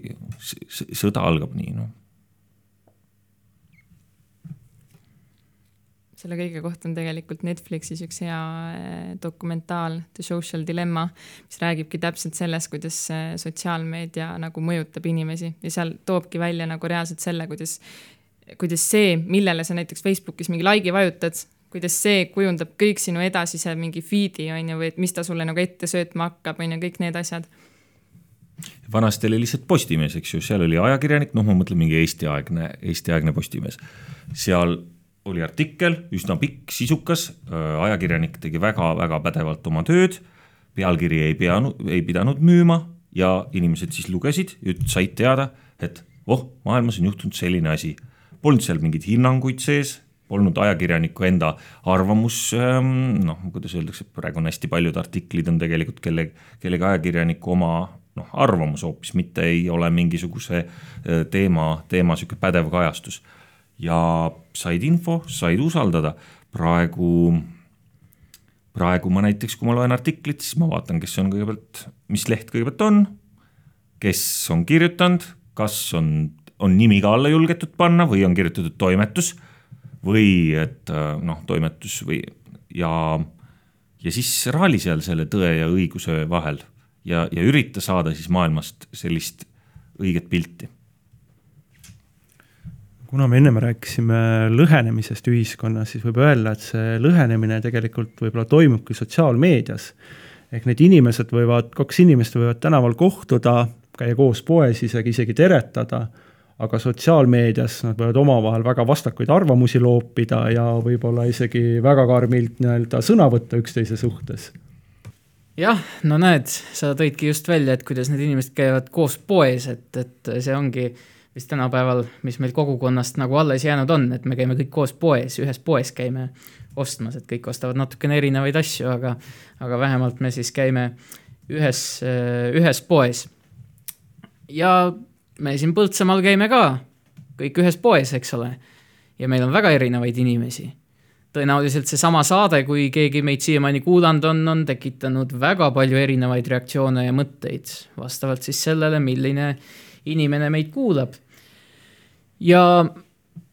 küsikski teie käest seda, et, et äh, kuidas te seda tajute, et kas see lõhe ulatub meile siia kohalikule tasandile ka? et äh, kas see siis lõhestab inimesi, et me rääkisime enne sellest, et see juba nagu perekonda kuskil äh, jõulu, jõuluajal seal söögilauas hapukapsa taga niimoodi lõhestab, eks ole. aga kuidas see asi mõjutab, see lõhe Põltsamaa meid siin, näiteks jah, just Põltsamaal, üldse väikestes kohtades, aga kui me räägime just täpsemalt Põltsamaalt, Põltsamaast. Noh ähm,, siiamaale ma olen tegelikult arvanud, et, et ega ta ei mõjuta, sellepärast et, et kui mul näiteks üks, üks väga konservatiivne sõber ikka mulle helistab paari päeva tagant, temal on täpselt teada, mis seadus kuskil Tallinnas muutus, kes võttis kus seaduse vastu, äh, kus keegi sai äh, rahastuse taha mingisuguse, mingisugusele noh, väga liberaalsele MTÜ-le või mis iganes ja siis see oli sihuke noh, kõike sellist asja jälgib. mina löön siis kogu aeg käega, ütlen, et tead, et ma ei saa aru, mida sa muretsed, meil siin Puurmanis inimesed käivad lihtsalt tööl, äh, maksavad oma makse, käivad, ostavad poes ähm, ja ja elavad oma tavalist elu. ja see, meil ei ole seda teemat, et see on teil seal linnas mingi ette, te kujutate lihtsalt ette, et teil on seal siuksed vaidlused, eks ju. aga jälle ma saan seda teada, kas mul on õigus või mitte üks kümne aasta pärast, eks ju, et et mis, mis minu ühiskonna, millised leheküljed on minu ühiskonnaõpetuse ähm, õpiku ähm, lehekülgedel ka siis, kui minu poeg, eks ju, läheb Puurmani kooli. et ähm, võib-olla seal on hoopis teistsugune maailmavaade kirjas ähm, kui see, mis mulle õpetati või mida praegu õpetatakse ja, ja lõppkokkuvõttes oli hoopis sõbral õigus, et tegelikult see protsess on lõpuks hakanud mõjutama ka seda lihtsat inimest siin maal. või siis Põltsamaa linnas. ma siin äh, võib-olla, äh, ma jäin mõtisklema selle lõhenemise üle. Ähm, kui me vaatame seda üldiselt Põltsamaa piirkond on ju, Põltsamaa linn, Põltsamaa linnas on suur gümnaasium, poed, kõik muud asjad, aga samas ümberringi meil on siin tohutult palju mingeid väikseid külakesi, siukseid nii-öelda maakohti. ja praegu ju tegelikult on äh, suureks probleemiks, noh, mitte ainult siin meie Põltsamaa kandis, vaid üldse üle Eesti on see, et äh, väikestel sellistel maakohtadel elu hakkab välja surema või ei ole enam mingisuguseid, ma ei tea, näiteks kooli või,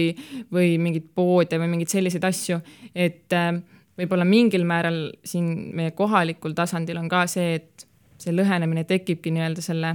linnapiirkonna ja nende väiksemate ümbritsevate piirkondade vahel. noh, öeldakse, et, et, et pa, palju, palju EKRE valijaid on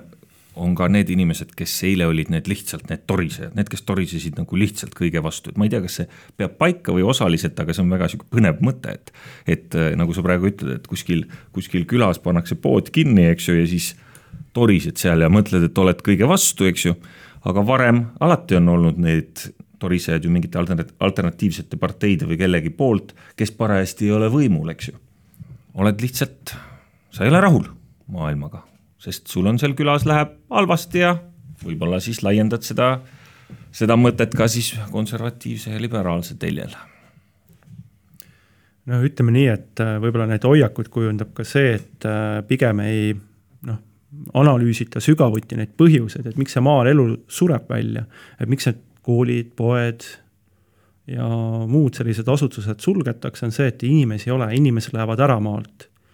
ja, ja tegelikult ega need poli-, noh, põhjused ei olegi poliitilised, need on ju pigem noh, kujunenud, et äh, äh meil on see valupunkt olnud see, et äh, noh, nii-öelda, et äh, me olime õndsas nõukogude ajas siin viiskümmend aastat, kus olid suured ühismajandid, mis tänapäeval nagu sellises kontekstis enam ei toimi, see külaelu oli hoopis midagi muud, kui ta oli esimese vabariigi ajal, ehk praegu hakkab alles see taastuma mm. -hmm. et selles mõttes, et need, need suured sellised noh kortermajadega need nii-öelda kolhoosikeskused, et need hakkavad juba noh, kaovadki ära, et see ongi nagu minevikku jäänuk ja tekivad võib-olla nii-öelda talud uuesti tagasi. aga see on väga pikk protsess, et võib-olla selle jaoks läheb veel viiskümmend aastat, sest praegu mõnes mõttes toimub niimoodi, et inimesed lähevad küll linna, aga nad hakkavad linnast maale kolima. ja just sel põhjusel, et nähakse võimalusi, et selleks, et äh, tööl käia, et ma ei pea elama linnas, et ma saan kodus ka tööd teha. ja minu meelest on just see koroonapandeemia selle väga hästi välja toonud. et äh, ma võin tõesti, minu töökoht võib Tallinnas olla, aga. ei pea Tallinnas sellepärast olema. jah, ma võin seda tööd ka Saaremaal teha, et kõik need ühendused või võimalused on olemas ja see muudab seda mõttemaailma ja inimene tegelikult noh, võib-olla tahabki niimoodi, et ma ei taha elada seal, ma ei tea, Tallinnas kuskil suure magistraali ääres, vaid ma tahan metsade vaikust ja rahu. ja selleks ongi võimalik ainult maale minna, nii et noh, see protsess ka toimub teistpidi hakkab tagasi minema ja võib-olla see paneb uue elu alguse nagu maale. aga sa pead nüüd selle viimase lausega meie teemaga kokku siduma nojah, aga siit tuli ikkagi välja selline konservatiivsuse vaim, et ihaletakse justkui mingit aega nagu tagasi või niimoodi, võiks ju lihtsalt leppida sellega, öelda, et elu ongi edasi läinud ja inimesed kolivad suurtesse linnadesse, et et, et ma siin vahepeal sirvisin siin internetis erinevaid definitsioone, siis see progressivism ikkagi ongi täpselt nagu me enne rääkisime, muutuse, muutusele orienteeritud ja konservatism on siis äh, sellele, et, et see areng oleks siis nagu stabiilsem või kunagi ma kuulsin ühte head äh, definitsiooni, see oli ühel sellel, kui te teate, sellist Edmund Burke'i selts tegutseb Eestis ja neil on mingisugused videoülekanded. ja nad mingit raamatut esitlesid seal ja, ja erinevad kõnelejad olid ja seal toodi välja siis selline ma ei mäleta, kelle definitsioon see oli, kon-, konservatiivsusest, aga et see on midagi, mis on võetud, eh, konservatiivsuse põhimõte on siis see, et me võtame eelnevatelt põlvkondadelt üle, hoiame siis oma põlvkonna ajal ja anname tulevastele põlvkondadele sellesama asja edasi. ja igaüks siis nagu jälle natukene võib-olla midagi kõpitseb, teeb paremaks, eks ole, aga progressivism on siis suunatud just kiirematele muutustele, eks ole, et ei hoita seda staatus quo'd või siis seda hetke, hetkeolukorda. nii et lõpuks on ikkagi, et me oleme kõik sellised kolka inimesed siin ja me oleme parajad konservid või? ma korra juhiks tähelepanu Meelise väitele, et kuidas seda maale kolimist nii-öelda teemaga siduda, et kui me maal elame, et oleme siin pidevalt olnud, siis me võib-olla olemegi rohkem konservatiivsed, ehk me ei taha nii drastilisi muutusi.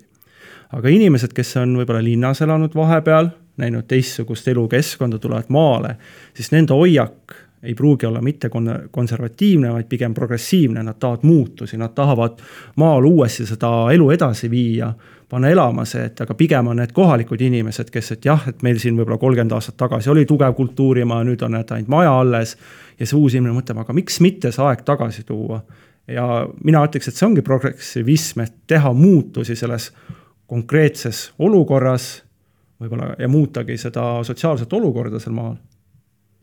tuua, ärata seda, äratada seda küla uuesti elule. No ja see on täpselt see Chestertoni mõte, mis ma enne lugesin, eks ole, et Chesterton juba omal ajal teiste, talle öeldakse, et tema on konservatiiv, aga ta rääkis teiste konservatiividega ja ütles, et et kuulge, poisid-tüdrukud, et teie räägite eilsest päevast, aga mina vaatan ju sajandeid tagasi. sinna, sinna vaatan, see on minu see konservatiivsus. nii et äh, ikkagi siis konservatiivsus on uus progress või? ei no ega konservatiiv sa võid olla, aga sa mäletad ju ainult oma elu nagu noh, oma elu ju, see ongi sinu see konservatiiv olemise piir. mille jaoks sul siis on raamatud, raamatud ja seda ja küll, kui sa viitsid, kui sa viitsid, kui sa oled nii analüüsivõimeline, et sa lähed sajandeid tagasi ja avastad, et tegelikult ma ei tea, näiteks nii-öelda nii asjad on juba mitu põlvkonda käest. ei, et, et noh, näiteks, et seksuaalvabadused on käinud lainetena, et ükskord kinni tõmmatud, siis uuesti vabaks lastud, kõik uuesti kinni tõmmatud, uuesti vabaks lastud, et noh, niimoodi edasi-tagasi ajas käinud, on ju, võib-olla oleks üllatus. Mõtled, et kogu aeg on ainult pime sihuke keskaeg olnud ja nüüd siis lõpuks on vabanemine. aga ja, et, et see noh, see konservatiivsus on, on, on, on see noh keskmisele konservatiivile on see ju tema eluaja pikkus või tema mälu pikkus. et tema tahab ju seda, oma parimaid hetki sealt säilitada ja tahab, et ühiskond kannaks neid edasi. ja ega ta tegelikult ei tea ju täpselt, mis seal enne, enne teda toimus. Võib-olla noh, see oli ju alles eile, eile uuenduslik, eks ju. aga siis tulebki välja, et tõele võimalikult lähedale jõuda, siis me peame kõik ikkagi ajalugu õppima, jah. tuleb vist nii välja. Rainer kui ajalooõpetaja on nõus sellega, ma arvan no ma ütleks nii, et äh,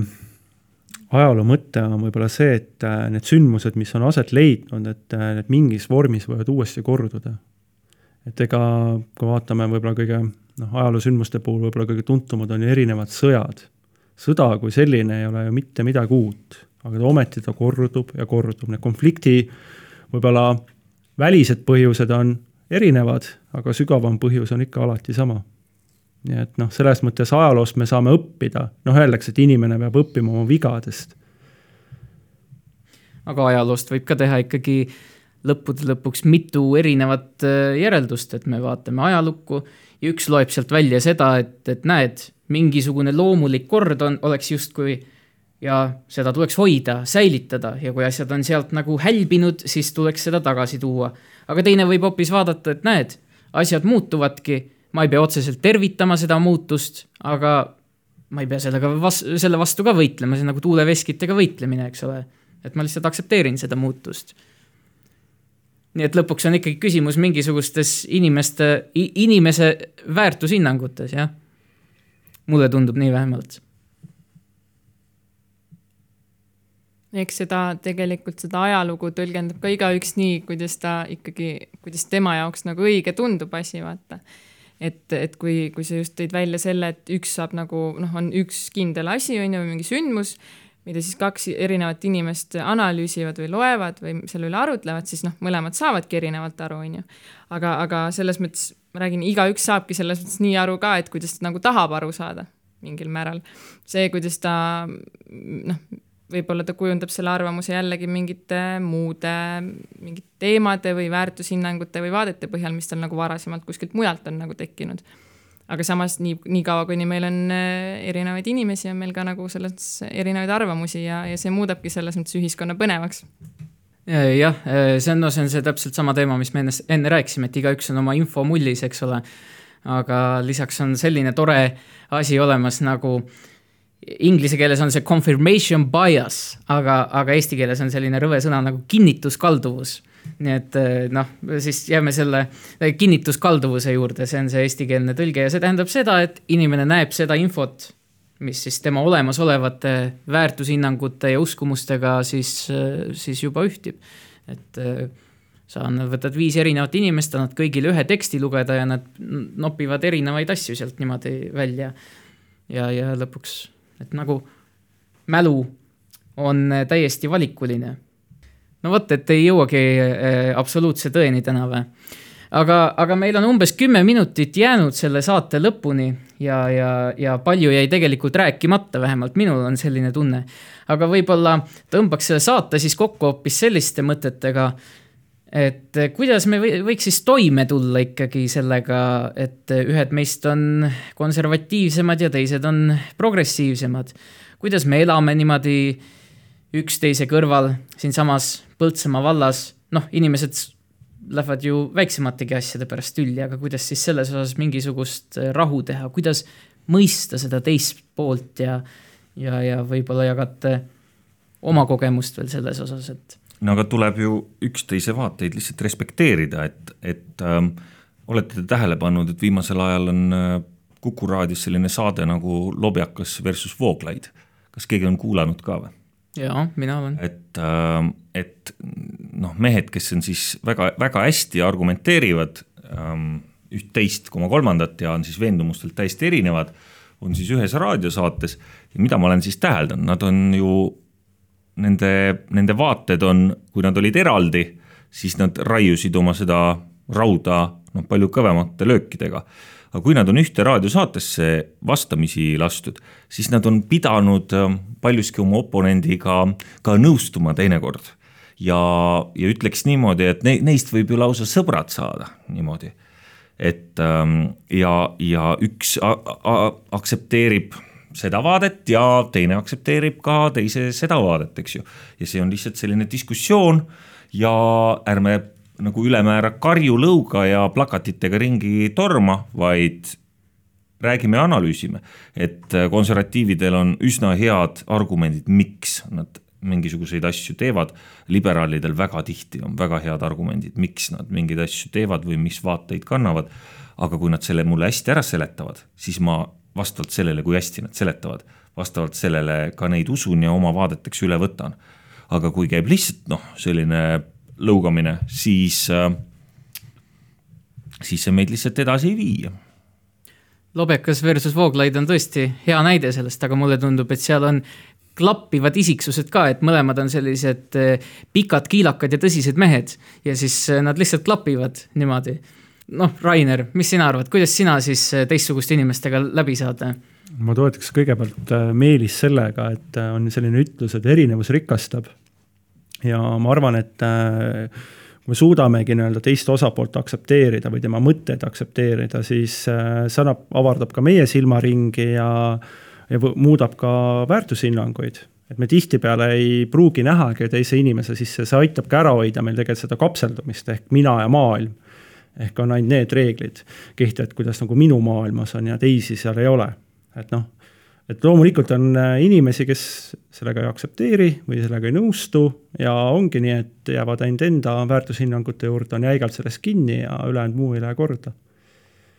nii et noh.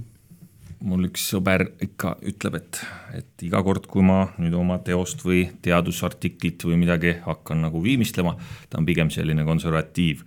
et siis ma helistan sulle, ma helistan sulle sellepärast, et sa alati tulistad selle nii ribadeks, eks ju et noh, sihuke usaldusväärne liberaal, kuigi noh, tegelikult mingis teises seltskonnas ma ju võin vabalt olla konservatiiv ja olengi, eks ju. et kui mind ikka nagu äh, liberaalsed vaated lähevad ikka noh, nii jaburaks, eks ju, siis ma muutun seal selles seltskonnas konservatiiviks.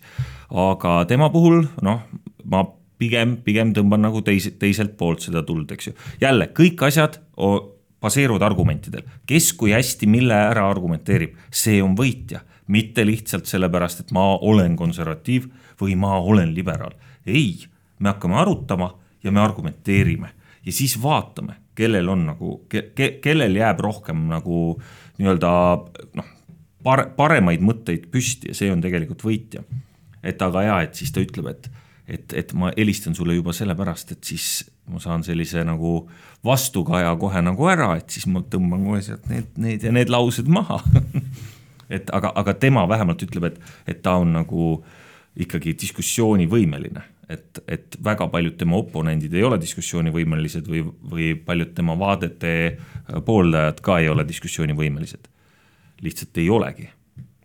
ma siinkohal selles mõttes nõustun äh, Meelisega, et mina väga respekteerin ka neid inimesi, kes tõesti, kui neil on mingisugune teema, mingi arvamus asjast, kui nad äh, tõesti noh, ütleme, et on täiesti vastupidine arvamus sellele näiteks, mida mina arvan. aga kui neil on tõesti olemas kindlad argumendid, kui nad on ennast teemaga kurssi viinud, kui nad tõesti teavad asjast nagu midagi, mitte ei pritsi selles mõttes niisama sappi, siis äh, mina olen ka selles mõttes ikkagi avatud alati nagu sellele, et ma ikkagi mõtlen selle üle, ma arutlen selle üle ja, ja siinkohal ma võib-olla kutsukski äh, inimesi üles olema rohkem äh, avatud mõtlemisega, et, äh, et kui ongi mingisugune situatsioon või olukord, siis tasuks kindlasti alati mõelda ka sellele, et oota, aga kui ma nüüd ennast nagu kuidagi teise olukorda panen, et kuidas ma siis mõtleksin või et mis siis saaks. Meelis ja Rainer, teie olete, sattusite siia saatesse ka selle kaudu, et te olete ühe korbi poisid, on nii? Ja meid saab juba kohe konservatiivideks liigitada selle järgi. pigem mina olen endine liige, et ma ei saa end päris äh, jah, aktiivseks liikmeks lige, lugeda, aga ma olen kunagi seal olnud ja me oleme jah, Meelisega, ma ei mäleta, kas olen päris ühes lennus vist tulnud või oli varem oli kaks tuhat neli, kaks ei, nii, nii, nii meil päris ei läinud, seal oli ikka no,. ja, ja üks, üks oli vahet ja no, aga no, no suht samas ajastus. See selleks, aga ma uurisin ka, uurisin siin, vaatasin, et äkki ühineks mõne korbiga ja niimoodi ja uurisin nende erinevate äh, korporatsioonide kodulehti ja nad äh, siis lõpuks äh, üks selline läbiv joon oli, oli lõpuks väga paljudel korporatsioonidel öelda, et me respekteerime kõiki maailmavaateid, me oleme valmis kõige üle arutama aga kui sa oled demokraatia vastu, siis hoia suu kinni. et no mina ei tea, kuskilt tulevad siis need äh, piirid ette või? no mille järgi me siin, käis ka vähemalt korra käis sõna läbi, et keegi on äärmuslane. ja, ja et kas siis mingid vaated on sellised, mida me lihtsalt ei aktsepteeri või sa ma kujutan ette, et, et, et mõni inimene kuulabki, mõtleb, et mis avatusest nad räägivad, ma ei peagi kõigele avatud olema. et ja ajaloos see on tihtipeale viinud, et inimestel on erinev püha tõde ja, ja siis teisele, vabandust sadistliku väljendi eest, aga kihutatakse lõpuks kuul pähe. nii et ikkagi ei pea avatud olema, ma loen teie näoilmetest välja, jah. ikkagi ei pea kõigiga argumenteerima, mõned võib lihtsalt näiteks välja karjuda niimoodi lõpuks, et. no ütleme nii, et äh, küsimus on eesmärgis. kui ma karjun, siis ma tahan, et mind kuuldakse, ma tahan, et mind tähele pannakse ja see ongi see mõte, see sõnum võib-olla ei pruugi olla see, mida ma öeldagi tahan. sest noh, karjumise puhul on ikkagi see, et inimene väljendab oma vihast reaktsiooni ja see on ju puhtalt ka võib-olla tunnete baasil ja mõni hetk hiljem see inimene võib täiesti rahulikult sinuga artikuleerida ja, ja vaatad, et noh, täiesti nagu normaalne. et seal nagu muutusi ei ole, kuigi hetk tagasi mõtlesid, et noh, et selle inimesega ei olegi võimalik rääkida, sest ta ainult karjub mulle aga kui korporatsioonide juurde tagasi tulles, siis äh, noh, minu jaoks oli võib-olla see, et äh, vot korporatsioonide puhul mina tõin küll selle noh, nii-öelda natuke seda rahvuslikku joont ehk siis eesti-meelsus. et korbi liikmeks, vähemalt Sakala liikmeks sai astuda küll mees, kes oli eestimeelne. see, kas ta nüüd noh, tol hetkel, kas ta nüüd just demokraatia poolt või vastu oli, noh ma ei, seda ei oska kommenteerida, aga, aga eesti-meelsus pidi olema ja austus Eesti ja Eesti kultuuri vastu ja traditsioonide vastu. mis puutub nüüd sellesse väljakarjumisse, et, et siis ma nagu korra vist, korra vist pean ennast parandama, et kõigiga ikka ei saa diskuteerida. et, et ikkagi kui ma mõtlen nüüd ajalugu, siis ikkagi ma ei kujuta ette, et ma nagu kommunistidega või siis, või siis täielike fašistidega saaksin tegelikult nagu argumenteerida, ei, ei saa, et, et kui mõne nagu. oled sa proovinud? ei noh, ma mõtlen, et ma löön lihtsalt ajalooraamatu lahti ja siis mul ei ole rohkem, rohkem vaja teada, et, et ega nende ne, noh, mingite grupeeringute äärmuslike, kas siis vasak või parem radikaalide ähm, nii-öelda selline maailmavaade ongi terror. see ongi see, et, et me ei lähegi mitte kellegagi diskussiooni pidama, vaid me peame eelneva korra ennem hävitama selleks, et luua uus ja põnev, noh, selliste, selliste tüüpidega ma ei ole nõus, nendega on vaja lihtsalt päriselt füüsiliselt sõdida eks ju, et, ähm, et kõigiga ikka ei saa diskuteerida. et peab olema disk-, diskussioonialdis nagu grupp või inimene või organ ka kellega. kui mu vanatädi armastab Hitlerit, siis äh, noh, kui ta tahab mulle sünnipäevaks viissada eurot kinkida, see on teine lugu, aga siis muidu ma ei räägi temaga, eks ole, et siis ma parandaks Meelis sellega, et terror ei ole maailmavaade, terror on vahend millegi saavutamiseks ja kui me praegu vaatame, noh, ka tänapäeval on see terror on äh, üsna noh, näiteks seda kasutavad võib-olla siin äh, otsese sõnaga terror, mille seostub võib-olla nii-öelda nende nii-öelda pommirünnakutega, mis toimuvad siis erinevates Euroopa linnades ja sellega ongi, see on vahend, millega saavutada siis tähelepanu ja tekitada siis, saavutada ka oma mõju suurendamist ei no jaa, aga sul peab olema mingi vaade ju, sa, sa kannad mingit poliitilist vaadet, ega sa lihtsalt ei viitsi pommitada, ma ei viitsiks lihtsalt niisama kilekotiga ostma minna, ma teen seda sellepärast, et mul on, mul on mingi mõte seal taga. et mingit pommi ma ei viitsiks küll meisterdada, mul on mingid selged vaated ja veendumused, miks ma seda teen. järelikult ma see võib olla küll vahend, aga ma äh, nii-öelda rakendan selle oma eesmärgi või oma idee ähm, nii-öelda siis hüvanguks, eks ju, ja see on, see on see, mida ma mõtlesin ma olen nõus sinuga jah, jäi, jätsime lisamata selle, et terror on tegelikult selles mõttes vahend, et tekitada hirmu ja panna inimesi seda maailmavaadet äh, omaks võtma, sa ütled, et äh, kui te tahate terrorist pääseda, siis peate omaks võtma minu maailmavaate, minu sõnumi, minu mõtted. kui inimestel on ükskõik missugune seisukoht, on ta siis maailmavaade või mitte, maailmavaateline seisukoht või mitte, ja siis tekib vastuolu. Ja seal, kus on vastuolu, seal võib ka lõpuks tekkida terror või siis äh, vägivald selle olukorra lahendamiseks. no kui sul on demokraatia, siis need, kes, äh, kes ei suuda piisavalt hästi ära argumenteerida või lasevad ennast poliitilises võitluses äh, nii-öelda jäävad kaotajaks, need lihtsalt hääletatakse maha ja ongi kõik, et selles mõttes oleme me nagu noh, heas seisus, meil on demokraatia et, äh, et kui, kui sinu, kui sul on parajasti fašistlik või kommunistlik partei, eks ju, ja sa, ja sa, sulle ikkagi nagu demokraatia sobib, siis sa nii-öelda lepid oma kaotusega seal diskussiooni lauas ja istud neli aastat opositsioonis, eks ju. Ja, ja võib-olla, kui su head, väga head ideed lähevad nii-öelda eetris ja lehe, lehes ja, ja, ja inimestele korda, siis sa saad, noh, saad võimule võib-olla aga see, sa teed seda läbi diskussiooni, mitte läbi selle, et sa marsid kuhugi püssidega kuhugi Tallinnasse ja võtad võimu, eks ju. et paremat maailma saada. küsimus Meelisele, et sügisel on kohaliku omavalitsuse valimised tulekul, et kas plaanid ka osaleda seal ja oma maailmavaadet ellu viia, kasutades selles erinevaid abivahendeid? sa pead nüüd täpsustama, milliseid, milliseid vahendeid ma arvan, su loosung võiks olla see, et ma vihkan kommuniste ja fašiste, see läheks kohaliku teemana väga hästi peale. Um,. jah, võiks ju, võiks ju täitsa proovida, jah, et, et kes see teine ikka nii hea idee peale oskab tulla, et, et kommunistid maha ja lähed kohalikele omavalits-, omavalitsuse valimistele. kommunistid maha ja ma arvan, et selle eh, mõtteavaldusega võibki selle saate tänaseks kokku tõmmata. aitäh kõigile, et te siin eh, osalesite ja aitäh, aitäh ka teile, et te meid eh, kuulasite ja ära kannatasite. ja, ja kui teil tekkis küsimusi antud teema üle või mingeid mõtteid, siis te võite selles mõttes julgelt ühendust võtta jah, palun mitte siis minu isiklikule telefoninumbrile, aga kuskile postkasti või kommentaariumisse. aga aitäh kuulamast ja kõike paremat, kuulake ikka Põltsamaa raadiot. vaeva pead ja pruugisuud